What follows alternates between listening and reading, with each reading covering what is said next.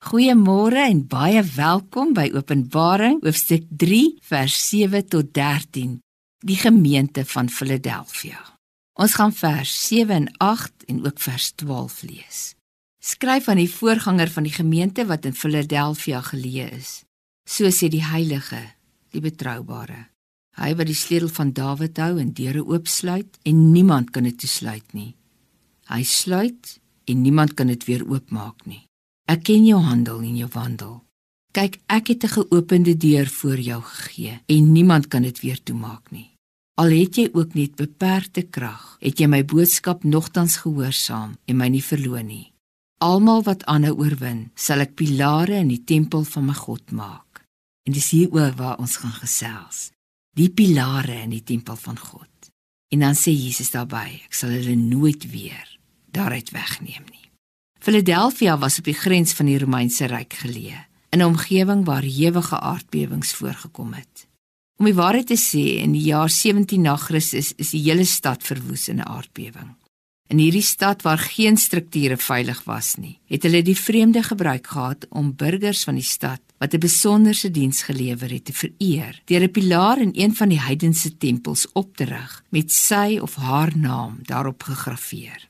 Jesus wat natuurlik hulle omstandighede ken, sluit by hierdie gebruik aan wanneer hy liefdevol met Philadelphia praat.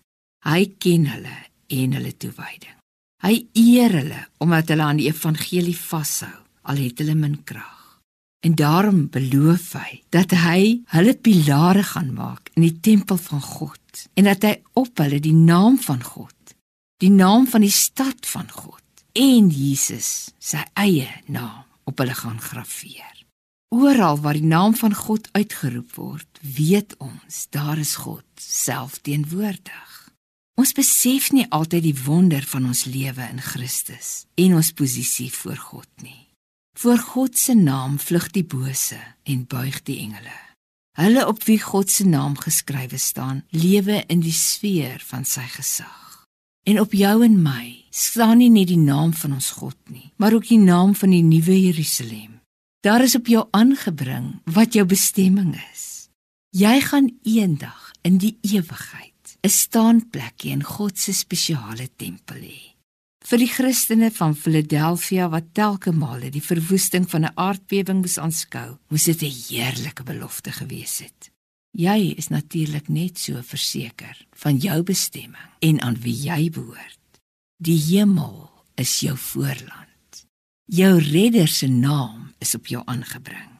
En daar waar aardbewings niks kan vernietig nie, want aardbewings kom nie daarvoor nie, is jou ewige staanplek.